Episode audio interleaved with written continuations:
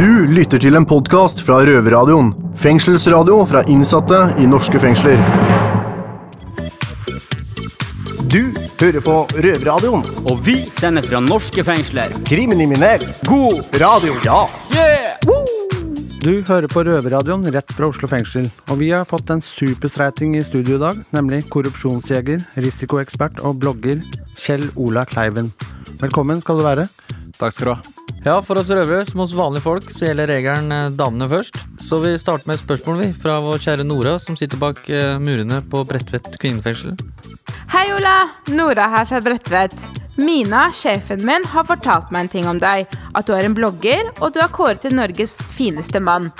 Hvem er du egentlig? Jeg har jo sittet der en god stund, så jeg aner jo ingenting om deg. Så kan du fortelle litt om deg? Klart det.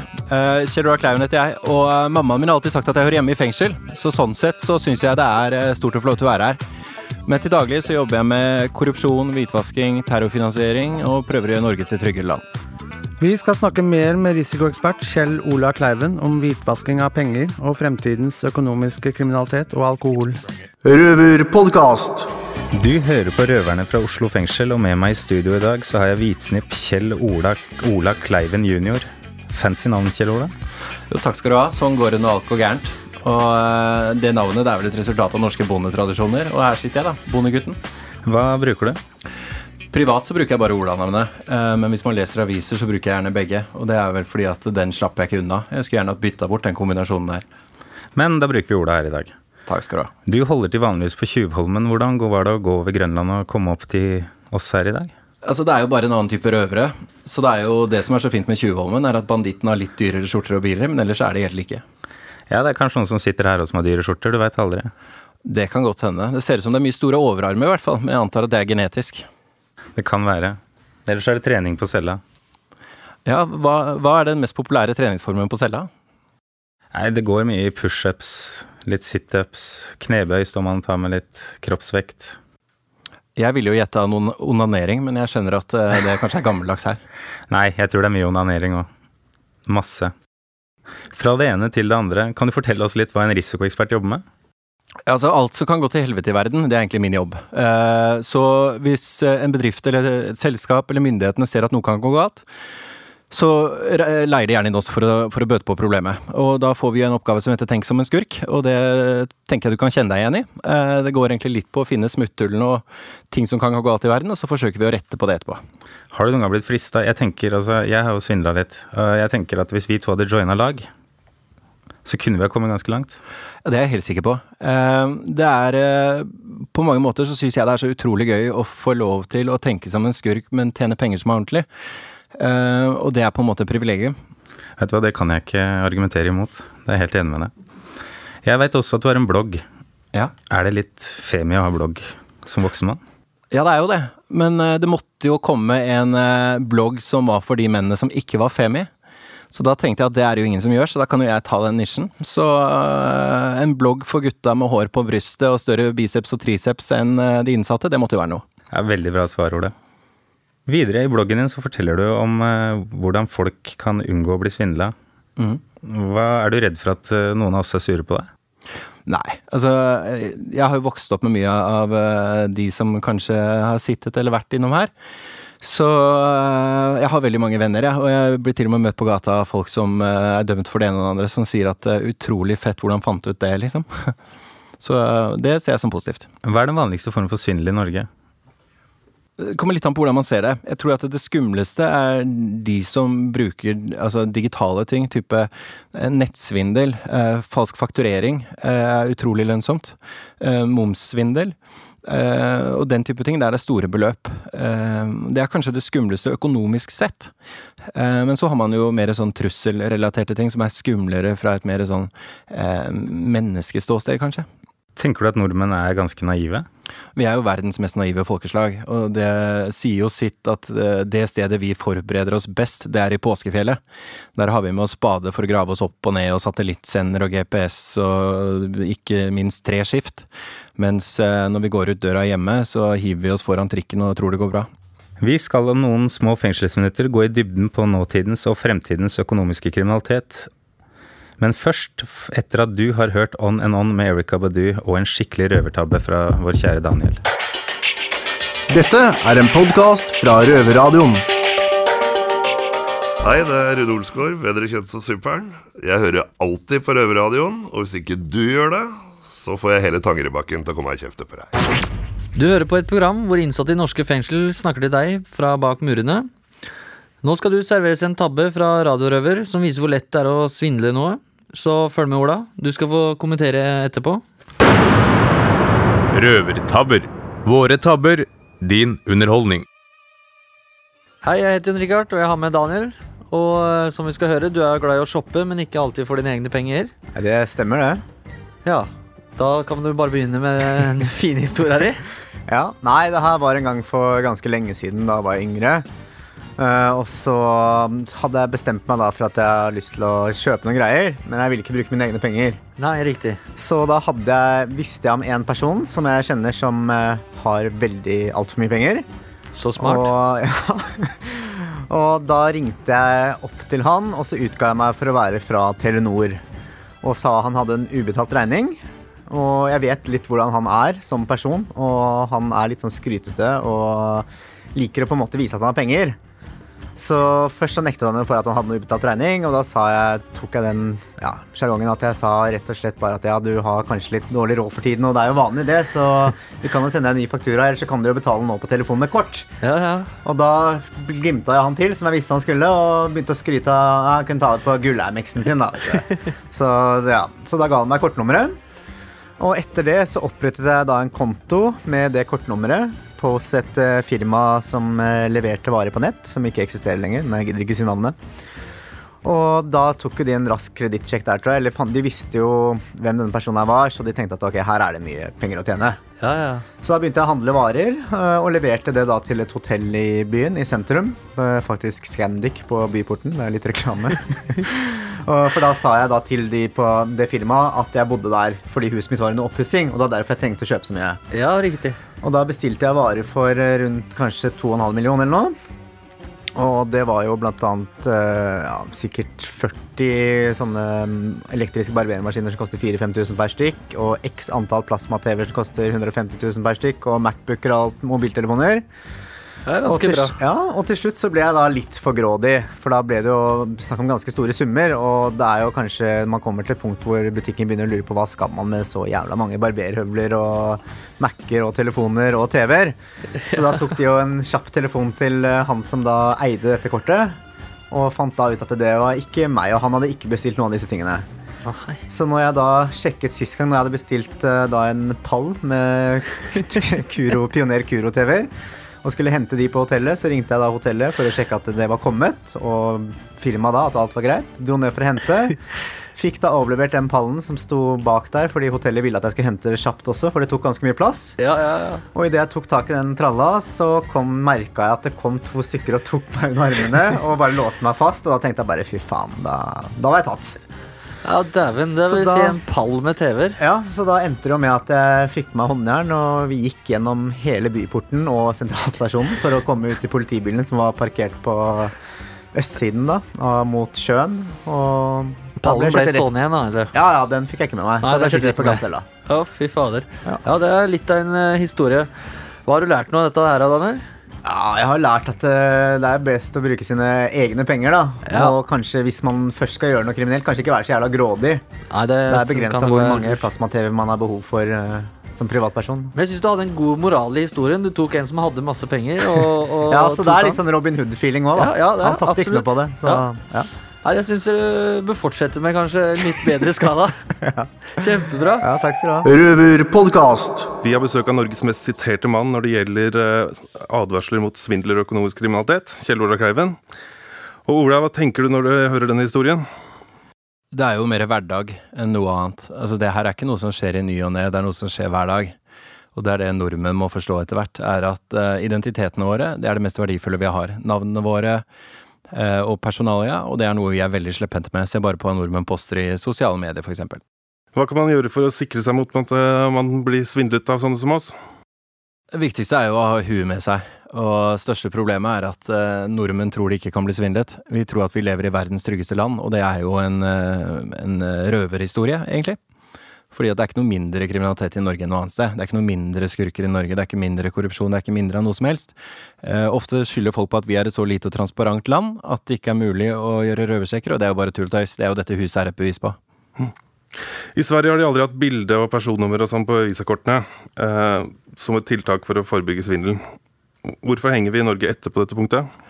Det er fordi vi er en gjeng med skogsmatroser. Uh, dette landet her er sydd sammen på en måte som ikke henger på greip. Et godt eksempel på det er at det er mer enn 10 000 mennesker i uh, Norge som kan utstede et bankkort med bilde. Det vil si at det er veldig enkelt for meg å få et bilde uh, på ditt navn, eller et bankkort med ditt navn og mitt bilde. Det neste jeg gjør da, er at jeg går på Biltilsynet og henter ut et førerkort, eller henter ut et pass hos politiet. Og sånn kan vi jo ikke ha det i et velfungerende land ellers, som det Norge egentlig er. Har du noen andre gode tips til oss kriminelle? Det er jo så mange gode tips at jeg bare leser bloggen. Eh, når vi startet den, så, så, så, trodde jeg ikke at noen kom til å lese den, men det var en ivrig nettavisen-ansatt som mente at jeg burde skrive. Og det er klart at når man ser at det leses, så er det jo gøy. Og mye av de tingene som tas opp, er jo fra røvere, og også fra de som har blitt lurt, som tipser om suksesshistoriene sine, eller fadesene, eller ting som har gått ordentlig gærent. Selv eh, det jeg har gjort av svindel, har stort sett vært uh, identitetstyveri. Jeg tenker at et legitimasjonsregister hvor man registrerer holdt på å si, alle uh, legitimasjoner som blir stjålet og sånn, burde vært et godt tiltak for å, for å hindre identitetstyveri, i hvert fall. Har du, har du noen andre tiltak, eller har, hvilke tiltak syns du at myndighetene burde opprette for å forebygge økonomisk kriminalitet? Det er jo det er et vanskelig spørsmål. Eh, jeg kjøpte jo et falskt pass.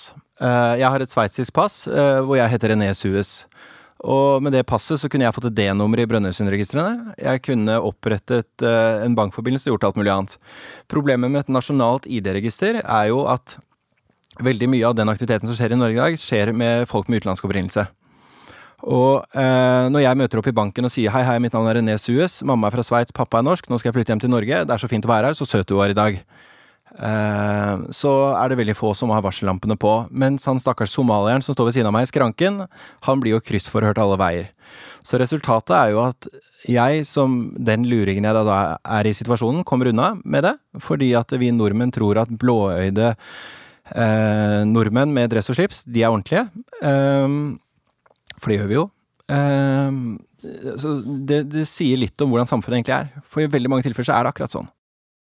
Valgte du navnet René selv? Det var jo ganske passende. Ja, du kan jo si Rene på norsk, og det syns jeg er humor. Eh, René Suez er, eh, er, egentlig en ID-ekspert i Holland. Eh, en av de fremste i verden. Jeg tok fornavnet til han ene og etternavnet til han andre og satte det sammen. For han fikk jo da i oppgave etterpå å sjekke om mitt falske pass var ekte eller falsk. Vi kriminelle er jo litt frustrerte over at det nesten ikke er kontanter vi kan ranne til oss noe sted lenger. Tror du vi vil avskaffe kontanter i Norge snart, og hvilke fordeler og ulemper vil dette medføre? Eh, jeg har skrevet en kronikk om akkurat det. Jeg tror Litt av største problemet er at hvis man avskaffer kontantene, og økonomien går eh, dårlig, så eier plutselig myndighetene oss. Man er nødt til å ha kontanter eh, for at mannen i gata skal kunne ha penger i puta, eh, eller hvis bankene på annen måte får problemer. Og det er klart at det, kontantene, du ser på Hellas f.eks. Eh, når eh, krisen slo for fullt, så ønsket de å, å lansere en digital valuta, fordi da kan ikke folk ta ut penger av banken når de er desperate. Og det er klart at ingen er tjent med et sånt samfunn. Eh, dessuten så er sofistikerte kriminelle som har forstått mekanismene, de bruker ikke kontanter. De som bruker kontanter, er egentlig de som ikke har peiling. De som har peiling, de bruker eh, eh, cyberenheter, altså bitcoins og lignende. Jeg så på CNN at betaling med fingeravtrykket er på vei. Hva hindrer meg fra å klippe en finger for å gå og shoppe med? Ja, Det kommer an på hvem sin finger du prøver å klippe. da. Prøver du min, så får du vel to retur, så det funker jo ikke. Ehm, men, eh, men, det er klart at det er en del av det som er skummelt med biometri. Det er at hvis noen først stjeler fingeravtrykket ditt, så, så kan du ikke rette opp i den ID-svindelen. Vi skal snakke mer med den sukkersøte bloggprinsen Kjell Olav Kleiven om flysikkerheten, men før den tid noe annet sett. Robin Schulz og Francisco Yates med 'Sugar'. Dette er en podkast fra Røverradioen. Det er Else Kåss Furuseth, og jeg hører alltid på Røverradioen. Og hvis ikke du gjør det, eh, så eh, så mister jeg humøret, og det, det vil du ikke ha. Altså, sånn surpomper er ingen glad i. Du hører på Røverradioen, rett innenfra de slitne murene i Oslo fengsel. Vi har Kjell Ola Kleiven, risikoekspert, med oss i dag. Du blir gjerne kalt korrupsjonsjeger, og det er jo en temmelig barsk tittel. Er du lei deg for at Eva Jolie har gitt det sånn et bestemoderlig ansikt? Altså, de trengte vel en pus med litt, eh, litt mindre gråtoner i håret, og da fant de meg. Du har uttalt deg svært kritisk til norsk flysikkerhet i media. Jeg har selv reist med, holdt på å si, med annen, manns legitimasjon, og jeg var litt nervøs for å gjøre det, men det, det ble ikke sjekka i det hele tatt. Jeg kunne nesten tro at jeg kunne reist med en norsk kvinnes legitimasjon. Hva, hvorfor er flysikkerhet viktig? Altså, Du kunne jo reist med en kvinnes legitimasjon, for det er ingen som sjekker legitimasjonen din. Og det er hele poenget. Du viser ingenting før du går om bord på flyet. Du kunne kjøpt flybilletten i navnet Donald Duck. Eh, Det hadde først blitt et problem om du hadde kommet for sent til gate 42, og de hadde ropt kan Donald Duck vennligst komme til gate 42. Eller hvis flyet hadde styrtet og de skulle ringe din nærmeste pårørende, for det er ikke sikkert at de hadde funnet Ole Dole eller Dolly med en gang. Og der har man litt av det som, som er problemet med Norge. Det er at eh, det fins ikke rutiner som er ment til å sikre. Vi har en del rutiner som store vektere med store armer som står i sikkerhetskontrollen, som er der for å skremme og gi inntrykk av at man har kontroll. Men så lenge du har med deg en vannflaske som han tar fra deg, så er han blid og fornøyd, for han har tatt fra deg vannflaska, da har han gjort jobben sin. Så er det jo ingen som vet hvem du er. Så Donald du kan skli rett igjennom. Du har selv reist med falsk ID på fly. Kan du fortelle litt om det? Altså Dette med falsk identitet er jo superfascinerende. Fordi at man bør ikke engang og, i mange tilfeller å skape en identitet som finnes. Eh, slik som det er i dag, så kan man hacke chipen i et pass, eh, og f.eks. fly som Elvis Presley. Og det er klart at det, ingen er tjent med at det er sånn. Og litt av nøkkelen da, det er jo å ha systemer som virker. Og når systemene først virker, så kan vi slutte å skylde på at vi bor i verdens mest transparente land. Da kan vi heller fokusere på å skape et trygt Norge som gjør at vi alle får det tryggere. Også på fly. Og vi har familie, venner, andre som beveger seg på fly, og det er ikke trygt at luringer begir seg rundt på fly med falsk identitet. Nei, for holdt på å si, Man kan jo kapre et fly eh, under falsk identitet òg. Du får jo med deg en tapetkniv inn. Det er, har du jo sikkerhetskontroller eh, vist tidligere. Ja, altså, Sikkerhetskontrollen er jo ironisk, for det er klart at når du går gjennom metalldetektoren, og det eneste de tar fra deg er vannflaska Hvis den vannflaska hadde vært en bombe, hvorfor slipper de inn i køen eh, der hvor køen er tjukkest?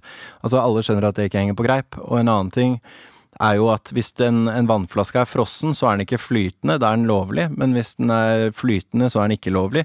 Forstå det den som kan. Det handler jo ikke om noe annet enn at en mann bygget en bombe av en vannflaske, og da ble det forbudt. På samme måte bygde en mann en bombe i en sko, og da var det en stund vi måtte ta av skoene. Og dette er jo ikke proaktiv sikkerhet, dette handler jo om å se i bakspeilet og prøve å utbedre basert på hva som skjedde i går.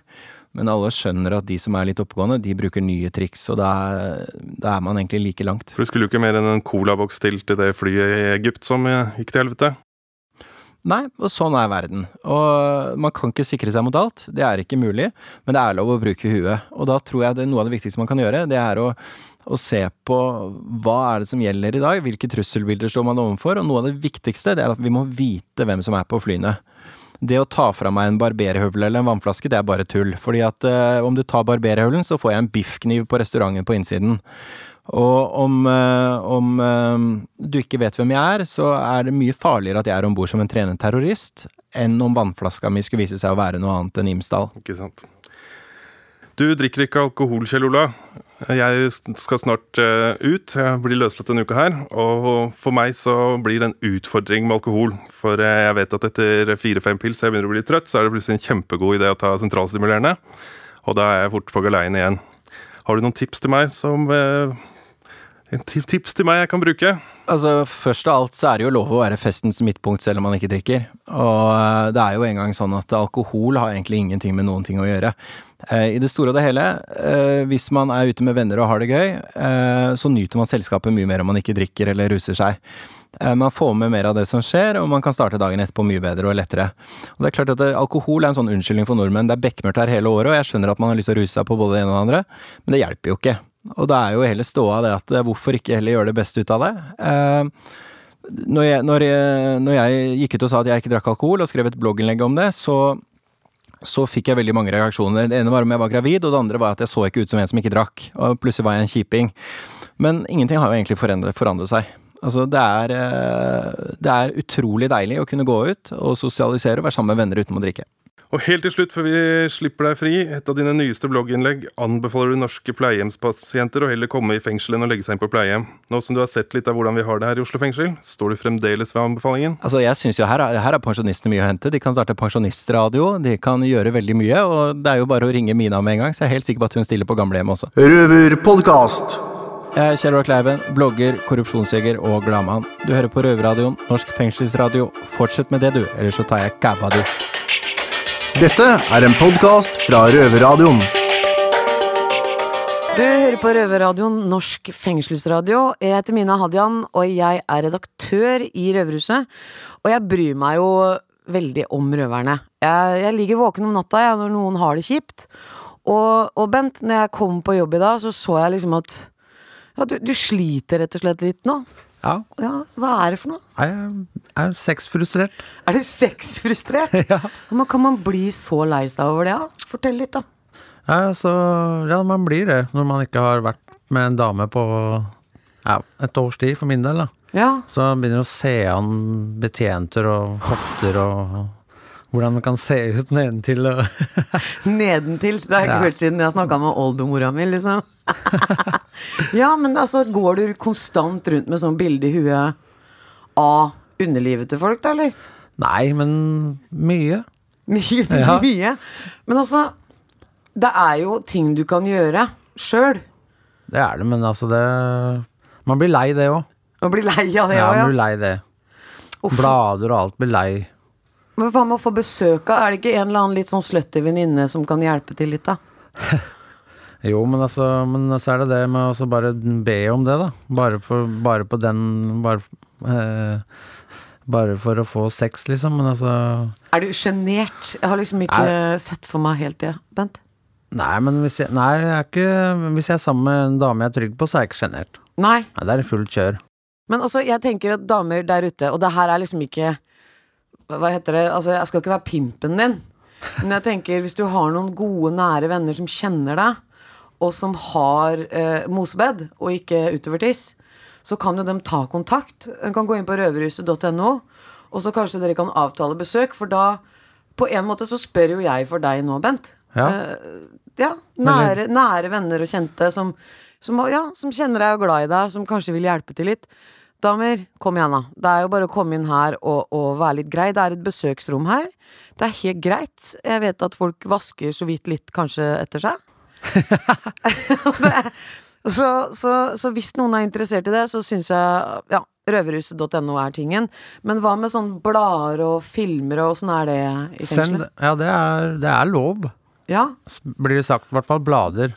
Men så er det folk som har prøvd å få sendt inn blader, eksempel. Som ikke har fått bladene. Hva?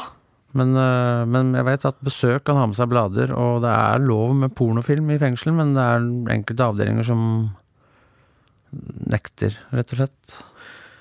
Altså, da syns jeg også du der ute skal ta og ja, samle sammen de gamle bladene dine. Ikke ta dem hvor alle sidene er klistra sammen, men ta kanskje noe litt freshere. Kan, ja. ja. Og lever det til Røverhuset på utsiden. Det er bare å ta kontakt. Eh, Eller du kan jo prøve å levere det i slusa her òg, da. Jeg vet ikke hva som skjer. da. Kommer den grisete fyren med sånn kasse med porno. Ja. er- Slubberjack. Ja, men altså Tror du det her kommer til å gå? Jeg har trua på det. På, på stivfinneren så er det jo litt finere besøksrom, og så man kan være med ha besøket inn på rommet. Inn, i, inn på rommet sitt, så kan kose seg i sin egen seng. Ja, men herregud, det er jo helt perfekt. Det, det var innsalg. ja det var innsalg. Så hørte dere det, damer? Ja, jeg tror de hørte. Jeg tror alle bare skrek ja! Yeah! Ja! Men, De gleder seg. seg. gleder seg. Bare, de har begynt liksom å smøre seg med krem og ta på Ja, ja. seg parfyme og sånn. Men eh, Bent, jeg er glad det ikke var noe mer alvorlig, for det her føles ut som noe vi kan løse. Ja. Men ta og spill en låt, da. Noe som kanskje inspirerer deg litt. Color me bad. Ja. Sexy I wanna sex you up. I wanna sex you up! Yeah. Woo! Sexy times. Røverpodkast. Røverflash blir presentert av jusstudentenes rettstiltaksgruppe, Jussbuss. Ønsker du å sone i et fengsel med lavere sikkerhetsnivå? Du kan søke om å overføres til et åpent fengsel når du har sonet en del av straffen din. Dersom du har tillitsverv, gått på skole, jobbet eller deltatt på andre aktiviteter i fengselet, så bør du skrive dette i søknaden. Trenger du hjelp med å skrive søknad og får ikke det i fengselet, så kan du kontakte Jussbuss. Vi har maler som du kan bruke når du søker. Vi kan også hjelpe deg hvis du får et avslag. Det er ofte kort klagefrist, så det er viktig at du kontakter oss med en gang. Du kan ringe oss på 22 84 29 00. Du kan også møte oss når vi kommer på saksmottak i fengselet. Se etter våre plakater eller spør din kontaktbetjent om når Jussbuss kommer. Røverflash blir presentert av jusstudentenes rettstiltaksgruppe, Jussbuss. You are now about to witness the strength of street knowledge. Keep your mouth shut and your eyes open. Velkommen til denne ukes fengselsnyheter. Jeg heter Simen, og jeg har med meg Chris. I Halden fengsel ble det for en liten stund tilbake mistenkt at noen hadde smugla inn et våpen, og endte med at alle gutta var innelåst i åtte-ni dager uten luft, jobb, skole, noe som helst. Ja, Det høres ikke noe trivelig ut. Ikke noe god stemning. Enda litt lenger øst enn i Halden, nemlig i Sverige, har politiet endelig anmeldt noen som fortjener det, nemlig seg selv. Det er ryddig gjort. Vi håper at politiet i Norge, hvor henleggelsesraten til SEFO er godt over 99% tar litt etter dem. Videre skal vi få høre om en litt artig sak Daniel har eh, fra Voss. Ja, Politiet i Voss har gått ut med en etterlysning til eieren av et større pengebeløp som ble funnet i Voss rett etter jul. Dette har fått folk til å gå helt bananas i jakten på å karre til seg disse pengene urettmessig. Vi i Røverradioen er kjent for å være noen luringer, og derfor har nettopp vi tenkt litt på hva vi ville ha gjort for å få kloa i disse pengene. Og kanskje kan vi hjelpe deg som gjerne skal ha litt ekstra penger i lommen etter julestria. Punkt 1 må være å prøve å finne ut hvilken størrelsesorden denne summen her er i. For å klare det her så kan du prøve å utgi deg for å være politimann etc. fra et nærliggende distrikt som også har funnet et pengebeløp, og forklare at pengene ble funnet i den og den konvolutten, og at det kanskje er samme person. I løpet av samtalen prøv å få lurt ut hvor stort beløp det er snakk om. Punkt to vil være å komme opp med en bra historie på hvorfor du er i besittelse av såpass mye kontanter. Her kan det komme godt med å ha mistet en av besteforeldrene sine for ikke så lenge siden. Da kan du påstå at f.eks. bestemoren din ikke stolte på banken, men alltid hadde pengene sine gjemt unna i en pute på soverommet. Ellers kan det være lurt å si at du har solgt en vare på finn.no og mottatt kontantbetaling for denne varen. Samkjør med en kompis, ikke nær kompis, som skal ha solgt deg varen. Du kan også si at familien din har dere en sparekasse hvor dere samler opp penger for å kunne kjøpe ny bil, dra på ferie, kjøpe hus eller lignende. Prøv også å oppsøke travbaner hvis du vet ca. hvilken sum det er snakk om, og prøv å få kjøpt vinnerkvitteringer. Husk da at disse må være fra før politiet fant pengene. Til slutt så må det også komme en forklaring på hvor og hvordan du mistet disse pengene. Her er første punkt en viktig del. Gjør alt du kan for å finne ut hvor de ble funnet, om de var pakket inn, om de var i lommebok, og kanskje hvilken valør det er snakk om. Alt sammen kan ramle i grus hvis du til slutt ikke vet om det er snakk om tusenlapper, 500-lapper eller utenlandsk valuta. Helt til slutt, hvis ingen av delene lykkes, så vil vi røverne oppfordre deg som er i pengenød, til å prøve å lure en luring. Finn en av personene som har forsøkt å lure til seg disse pengene ved å oppgi et høyt beløp, og ta deretter kontakt med personen og utgi deg for å være fra politiet. Si deretter at dere må ha depositum av personen før de kan utbetale pengene, og få luringen til å gi deg depositumet. Ellers kan du bare spille lotto og satse på at du heller vinner der. Oddsen er sikkert større på det. Til slutt skal vi utenriks, nemlig til Mumbai. Der har en stakkars kollega som ble oppdaget idet han nappa til seg et gullkjede, eh, som han da så seg nødt til å svelge. Eh, ble pågrepet av politiet og måtte spise 48 bananer. Så pelle kjedet ut av dritten sin, for å så bli kasta i fengsel. Det er jo rene helvete. Dette er en podkast fra Røverradioen. Hei, jeg er Miss Guinevere. Hvorfor våkner ikke knerten opp om morgenen på magen? Fordi han vil ikke våkne opp på morgenkvisten. Radio Vi har da spart det beste til slutt, og vil takke alle dere fantastiske mennesker som har vært med oss den timen her. Og vi håper det har vært både morsomt og litt lærerikt. Og nå skal Chris sette stemninga her med litt beatboxing, og Simen skal kontre litt, og jeg skal rappe. Prøve, i hvert fall. Jeg er ikke så god, men vi prøver. Kom igjen. Det er litt videre.